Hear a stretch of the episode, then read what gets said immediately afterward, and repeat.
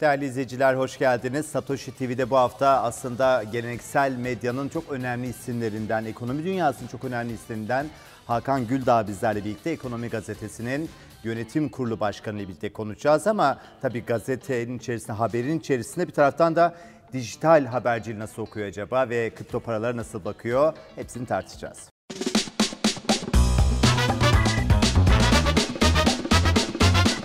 Hakan Bey hoş geldiniz. Hoş bulduk. Nasılsınız? İyiyiz vallahi. Sizler nasılsınız? Ben deyim çok teşekkür ederim. Yeni çocuğunuz yanınızda gördüm. Evet evet. Yeni Hayırlı çocuğumuz. uğurlu olsun. Hep beraber. Biz gazetecilerin gazetesiyiz.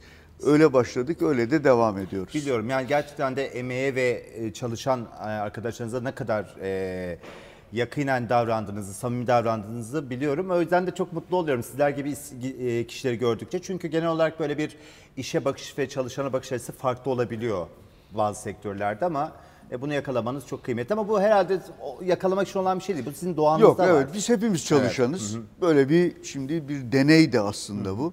Dünyada da çok olduğunu düşünmüyorum. Var bir iki Fransa'da filan örnekleri var.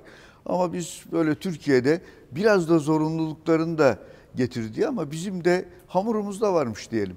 Ya bu ülkede herhalde bu zorlukları görüp sürekli çözüm odaklı oluyoruz değil mi? Yani çözemediğimiz sorun yok gibi geliyor ama vatandaş nezdinde ve şirketler nezdinde böyle oluyor. Bilmiyorum devletler nezdinde nasıl oluyor? Ne oluyor bu dünyanın içinden bir şeyler bir şeyler oluyor, değişiyor. Nasıl okuyorsunuz Hakan Bey? Yani siz ekonomide çok iyi e, biliyorsunuz, bir taraftan gazeteciliği biliyorsunuz.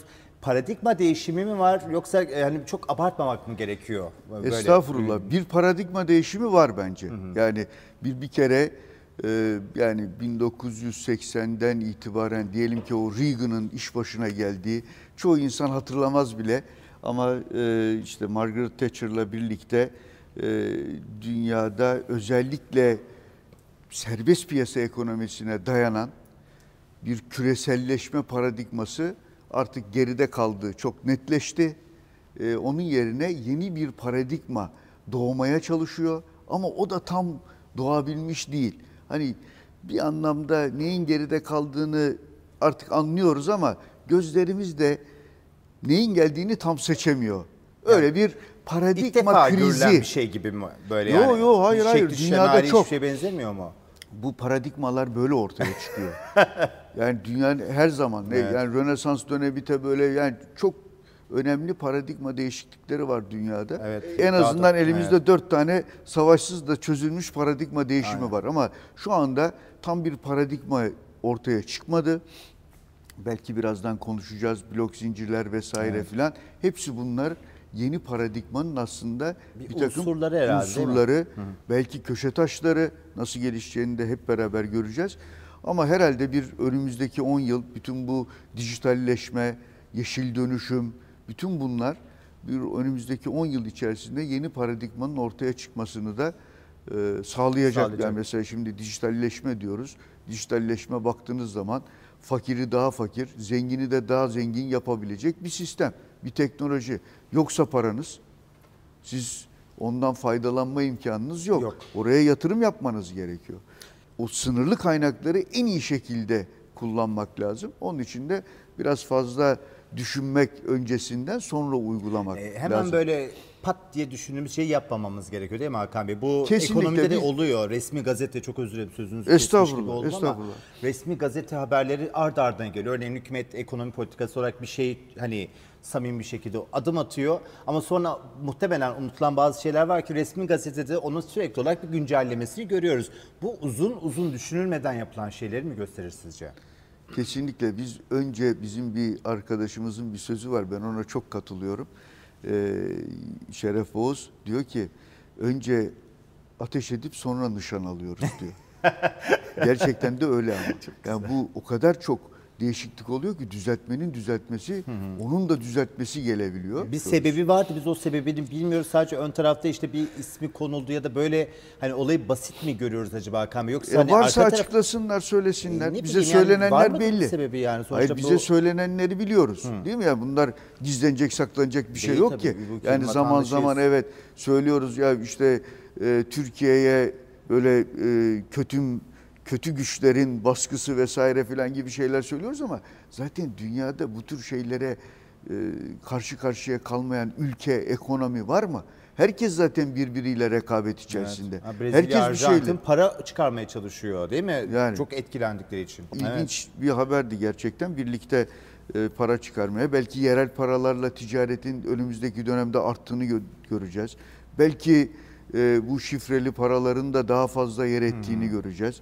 E, ama dünyada o paradigma değişimi şu anda bütün dünyadaki ödemelerin yaklaşık %62'sini 63'ünü oluşturan doların e, ve %22'sini 23'ünü oluşturan da euronun biraz daha güç kaybettiği bir dönem olacak gibi görünüyor önümüzdeki süreç. Evet. Çünkü bir Çin'in bir yükselişi var. Bu paradigmanın paradigma değişikliğinde en önemli konulardan bir tanesi de bu.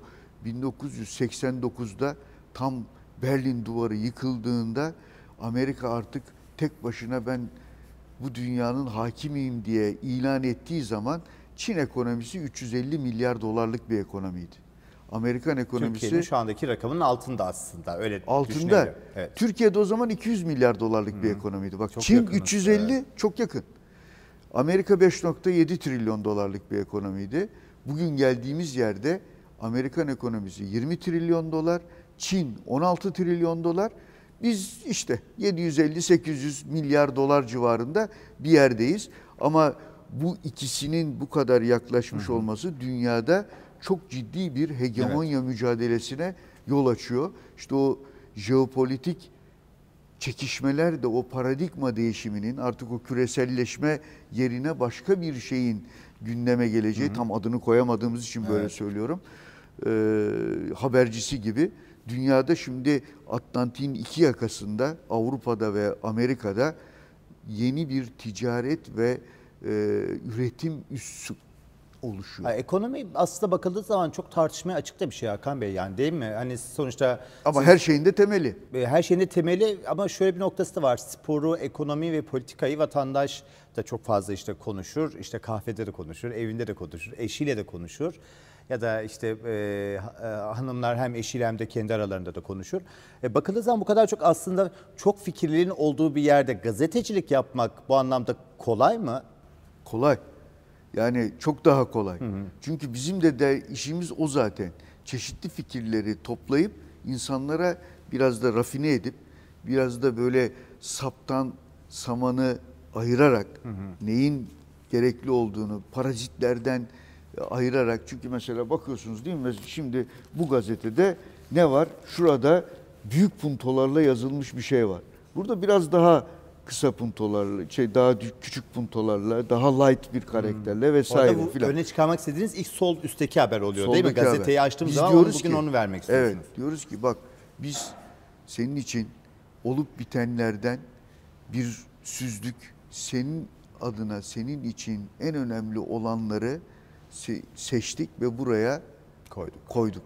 Sen bunlara bakarak bilgili bir halde karar alma imkanın var. Biz bunu söylüyoruz. Evet. Sonuçta subjektif tarafı var gibi gözüküyor. Var tabii. Evet. Subjektif tarafı da var. Evet. Ee, sonuçta bir hegemonik tarafı da var. Şimdi bu iş değişiyor.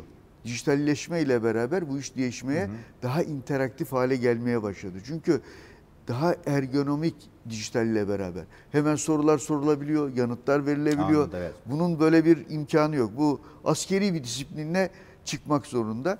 Onun için şimdi yavaş yavaş e, dijital mecralar e, bu gazetelerin basılı mecralarında yerini almaya başladılar. Evet. Yarın öbür gün geleceğe de bakarken gene o bilgilerimizden yararlanacağız. Evet. Gazeteciliğin böyle bir faydası var. Ee, Hakan Bey izninizle ben izleyicilerimize bir bilgi paylaşmak istiyorum. Çünkü o bilginin üzerinden aslında biraz geleneksel gazeteciliğin de dönüşümü de konuşacağız. E, çünkü Bitcoin ile ilgili en önemli kavramlardan birisi takdir edersiniz ki merkeziyetsizlik yapısı. E, bu ağın hiçbir otorite, Merkez Bankası, devlet başkanı, şirket ya da kuruluş kontrol edemiyor Hakan Bey takdir edersiniz ki. Şimdi tabii Sezar döneminde e, kendi iç yazışmaları anlaşılmasın diye harflerin sırasını değiştirilmiş Sezar. Orada da aslında bir kriptografik e, bir e, yöntem var ve merkeziyetsizlik de aslında bu bilgilerin saklanması, muhafaza edilmesi ve yanlış bir e, dezenformasyonu e, sebebiyet vermek istemiyor. Mümkün mü blok zincirin böyle bir e, bilgi dağıtım ağı üzerinden medyaya da dönüştürmesi sizce ve bu anlamda e, sosyal medyanın bir üzeri gibi gözüküyor ne dersiniz? Bence gayet mümkün ve yavaş yavaş da bunun yani bu olanaklardan her mecra, her sektör yararlanacak. Bakın denizleri temizlemek için de blockchain'den yararlanıyoruz. Tekstili de geliştirmek için, nanoteknolojiyle birleştirmek için blockchain'den yarın öbür gün yararlanacağız. Ne arıyoruz biz esas itibariyle? Hız arıyoruz. Değil mi? Yani gazetecilikte özellikle baktığınız zaman e, bu antropologlar şimdi 10 bin yıl öncesinde kalmış neredeyse bir takım böyle mikro e, topluluklar buluyorlar. Çok değişik bölgelerde. E, böyle işte tropik ormanların içerisinde falan. Onları da incelediklerinde ne görüyoruz? Orada da bazı haberciler var. O haberciler de e, duyduğunu doğru düzgün bir şekilde anlatan yani güvenilir olan ve de hızlı bir şekilde bunu ileten kişiler haberci oluyor. Bugün de aynı. Gene biz bunun peşindeyiz. Tabii. Güvenilir olacak, hızlı olacak. E o zaman blockchain bu ikisini sağlıyor olmak nedeniyle nedir yani blockchain sonuçta bir kayıt sistemi. Diyelim bir veri tabanı. Tabii. Yani e, ama şifrelenmiş, güvenliği arttırılmış e, ve birçok alanda da saklandığı için daha da güvenli bu anlamda. E, daha da hızlı mı? Daha da hızlı. O zaman bence blockchain birçok teknolojiyi, birçok sektörü etkileyecek. Bizimkini de etkileyecek, etkiliyor da zaten. Evet. Aslında e, hukuk Bankaları da sistemi, etkileyecek. Bankaları da değil mi? Hepsini etkileyecek. Aracıyı ortadan kaldırıyor ama tabii burada e, hani Satoshi Nakamoto biliyorsunuz anonim olarak kendini gizliyor ve işi merkezine koymak istemiyor. İşte değerine en azından siz karar verin diye ama bakıldığı zaman orada bir aslında kapitalizm ya da bankacılık sisteminin bir dönüşümüne ilgili bir manifesto yok. Yani hani sadece orada bir merkeziyetsiz yapı ve blok zinciri anlatan ağ sistemini teknik bir döküman gibi gözüküyor Hakan Bey. Dolayısıyla bu birazcık herhalde zaman içerisinde karşı tarafla bu tarafın e, nasıl e, buluştuğuyla alakalı olacak herhalde. Yeni bir şey çıkacak ortaya. Yani öyle görünüyor. Daha bu da oturmuş değil. Yani buranın paradigması da baktığınız zaman oturmuş değil. E, Henüz bir trend şeklinde diyelim bu. Daha bir paradigmanın unsuru tam olamadı. Yani kripto, şifreli paralar diyelim, blok zincir de daha tam oturamadı. Ama Oturamadı. merkeze doğru giderek geliyor. Şimdi yeni her zaman korkutur. Yeniye karşı her zaman bir direnç de olur. Ama sonuçta da eninde sonunda galip gelen de yenidir. Onu göreceğiz önümüzdeki dönemde. Ama şimdi mesela kriptoda yani e, şifreli paralarda ortaya çıkan, onun da çeşitlerinin çıkacağını düşünüyorum ben. Bir takım tabii ki çocukluk hastalıkları var. Yani bunun da yarattığı işte çekinceler var, endişeler var. Bir kere bu varlıkların, bunlar bir varlık mı? Varlık baktığınız zaman. Orası bir değer mi? Değer. 60'tan 16'ya iner, yarın öbür gün gene çıkar vesaire filan. Ama e, o varlıklar varlıksız varlıklar. Şimdi altın mesela öyle değil. Elimizde bir varlık var. Gümüş öyle değil. Elimizde bir varlık var. Ya da borsa bile tam öyle değil. Hisse senetleri de baktığınız zaman bir sanayi kuruluşunun, bir ticaret kuruluşunun, Türk Hava Yolları'nın, SASA'nın neyse e, o işletmenin hisseleri olarak değer kazanıyor. Bir varlığa dayanıyor. Kriptoda bu yok. Şimdi bu Böyle çok yeni nesil. gerekiyor mu her zaman? Yani Ben bu öyle hani- bakıyorum. Yok yok hani belki de böyle çok alıştığımız için bunu mu dediğiniz gibi hani bir ön yargıyla mı yaklaşıyoruz ya da doğru bakmıyor muyuz acaba? Ben Bilmiyorum. çünkü ben de öyle bakıyorum sizin gibi de o yüzden Hayır, soruyorum. varlıkların varlıklar yani bu bunlar şimdi bir varlık. Piyasada işlem görüyor mu? Görüyor. Bir değeri var mı? Var. Bu varlıklar herhangi bir varlığa dayanıyor mu? Dayanmıyor. Ama bu onların bir varlık olmasını da engellemiş durumda değil. Onun için ilginç bir deneyim. Evet. Bakalım ne gel- ne getireceğini göreceğiz. Ama şu ana kadar olanların hepsi bir varlığa dayanıyor büyük oranda. Ya da bir otoriteye dayanıyor. İşte Bitcoin Şimdi bir tek farklı o arzı sınır. Diğerleri istediği kadar parasal gelişim gibi eyvallah yapabiliyorlar bu o da arada, arzdan şey Aynen. yapıyor. O ar- arzdan e, belli bir e, diyelim ki bir güvence, bir e, farklılık sağlamaya Ama dayanağı çalışıyor. yok dediğiniz gibi.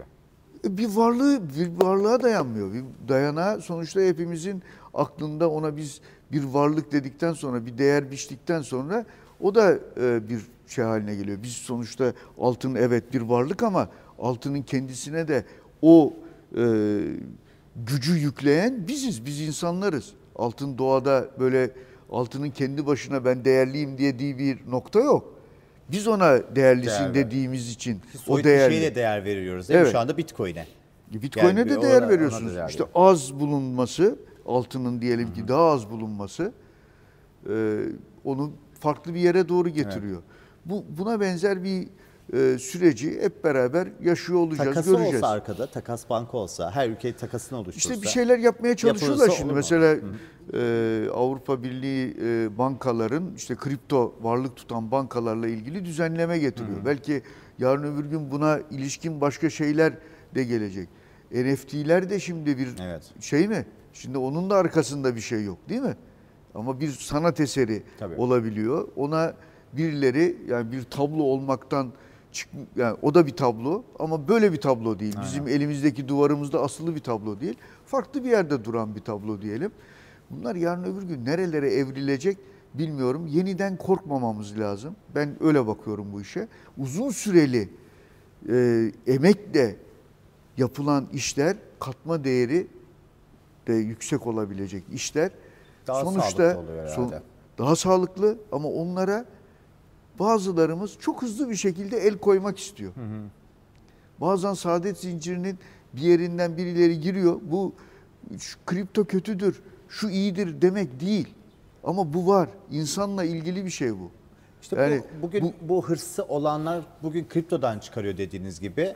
Yarın işte başka bir ürün çıkar çıkar değil mi? Onu bu sefer yani bu insanoğlunun bu açgözlülüğü maalesef değil mi? Hep böyle bir manipülasyon ve e, işin niteliğini bozucu bir nitelik de alıyor. ha- Hal de almış oluyor. Yani açgözlülük Forex'te de de çok yaptılar biliyorsunuz Hakan Bey. Hani Forex piyasalarında da Tabii, tabii, tabii. e, işte bire yüz kaldıraçlar vesaire. Dolayısıyla biz diyoruz ki yani yatırım dediğimiz şey bir kere elinizden çıkarmayacaksanız ve gerçek anlamda hani bir tasarrufunuz varsa borçla harç yapmadıysanız eğer bu da arzı kısıtlı bir sanat tablosu almak gibi düşünüyorsanız alın ve satmayın. Yani bir- ama tutup da bunu böyle kar amaçlı 1'e 100 gibi çok kripto para fenomeni de var biliyorsunuz. Evet, bu anlamda var, onlar da çok bozucu etkisi var. Devlet burada devletler size neden regülasyon yapmıyor? 14 senedir var çünkü. Ee, var bizim toparlar. ilk Merkez Bankası ilklerden birisi oldu dünyada. Bizim Merkez Bankası bununla ilgili bir regülasyon denemesinde, bir düzenleme denemesinde bulunan ilk kurumlardan bir tanesi oldu. Ee, çünkü bayağı da hızlı bir gelişim gösterdi bizde. Sadece tabii e, bizdeki oyuncuların artmasından dolayı değil, kripto varlıklar da 2020'den 2021'e bayağı bir şey yaptılar, değer kazandılar o, kazandı. dön- o dönemde. Ee, hatta yanlış hatırlamıyorsam Financial Times'lara filan da e, geçti bu konu. Yani Türklerin kripto sevgisi diyelim, e, hayranlığı 2,5 milyar e, dolardan 25 milyar dolara filan geldi. Yani Evet. 10 kat bir büyüme oldu. Şimdi onların da bir kısmı kriptolar düşünce borsaya geldi. Borsada da 4 milyon yatırımcıya geldik. Bunların 500 bini sadece Aralık ayında geldi ve onlar da biraz kripto mantığıyla bakıyorlar. Bunlar öğrenilecek zamanda. Kripto gene kimseyi suçlamak için söylemiyorum ama böyle takım tutar gibi bir hisse senedi tuttuğunuzda e, o zaman o kripto mantığıyla yani bitcoin'miş, başkalarıymış, şuymuş, buymuş filan diye yani ben onsuz yapamam dediğinizde bir şeyin esiri oluyorsunuz. O bağımlılık çok iyi değil. Evet. Ya Onun şey ne oluyor işe Hakan Bey, yaradığını- suçlamayın siz de. Yani Suçlamıyorum. 21 milyon adet var. Şöyle ben Evet. kendim için söylüyorum. Aynı duyguda olduğum için. Evet. Çıkaramıyorsunuz, satamıyorsunuz. Diğerlerinin sınırsız olduğunu biliyorsunuz ya. Yani hangi varlıksa işte diğer kriptolarda da sınırsız olanlar var. İşte para birimlerinde de. Onu gözünüz görmüyor ama arzı kısıtlı olunca bende şey var. Yani her düştüğü zaman her kademeden her ay düzenli alıyorum.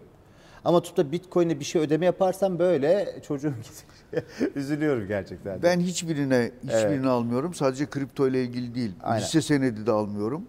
Ee, neden? Çünkü sonuç itibariyle bizim işimiz gazetecilik. He. Bizim kafamızın bir yerinde bu hisse senetleri, kriptolar olursa ne olur ne olmaz bakarsınız elimiz gider. Bizde insider trading ya da bizim bu imkanımız var. Biz kamuoyu adına soru sorabilme imkanına sahibiz. Gider ben öğrenir, herkesten daha önde hareket Evet. edebilme avantajını kullanabilirim. Kullanmamam lazım.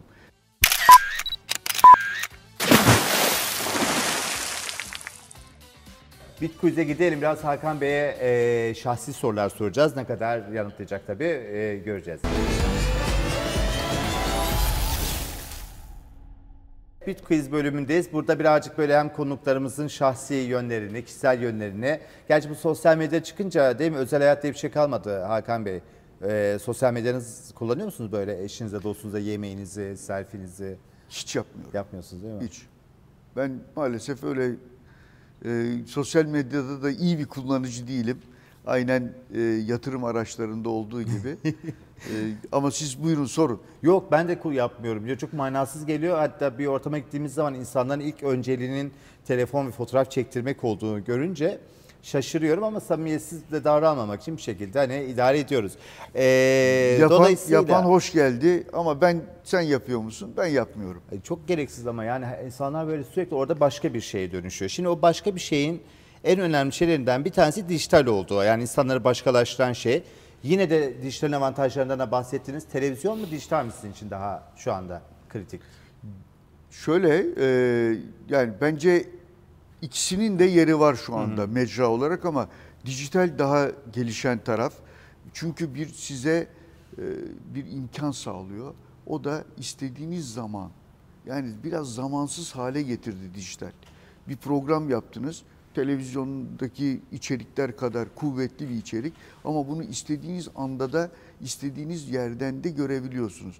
Bu giderek dijitali kuvvetlendiriyor, gibi Kuvvetlendiriyor. görünüyor. Sizin için e, 20 sene sonra açılacak bir sandık var ve o sandıkta işte e, iki tane ürün var. Altın ve ama 20 sene sonra 20 sene öncesi hiç açamıyorsunuz. Evet. Böyle bir şey olmuş ne Evet. derler? E, yatır tarafından okunmuş mu derler? Şey e, bir tılsımı var. 20 sene sonra açıyorsunuz. Bitcoin'i mi açmak istersiniz 20 sene sonra altını mı açmak istersiniz? Ama size özel yani bu zaten başka birine veremiyorsunuz. Valla ben Bitcoin'i merak ederim. Altını, Ne olacak altını çok merak etmem. Yani bir sandık açılacak benim için sürpriz olacak değil mi? Yani ben oraya ne koyduğumu bilmiyorum öncesinden. Bir sandık açılıyor. Orada ne bulmayı ümit edersin? Bitcoin bulmayı ümit edebilirim. Evet. Ya Bitcoin ya da kripto para Aynen, herhangi aynen. birisi. Son sorum. Z kuşağı mı yoksa bir sonraki mi gelsin diyorsunuz? Zaten gelecek. Ona bizim burayı görmezden mi geliyorsunuz? Onun bizim şey yapacağımız bir şey yok ki. Ben vallahi Z kuşağından da memnunum. Hiç öyle hiç öyle kuşaklar filan insan insandır ve tabii ki zaman zaman farklı koşullar altında kaldığı için farklı özellikler gösteriyor ama yani hiçbir şey siyah, hiçbir şey tam beyaz değil. Her şey aradaki tonlarda. Bazen bir kuşağın e, tonları daha yaratıcı özellikleri olabiliyor. Daha devrimci olabiliyorlar. Daha işte o aslında biraz önce söylediğiniz ya yıkıcı kapitalizm.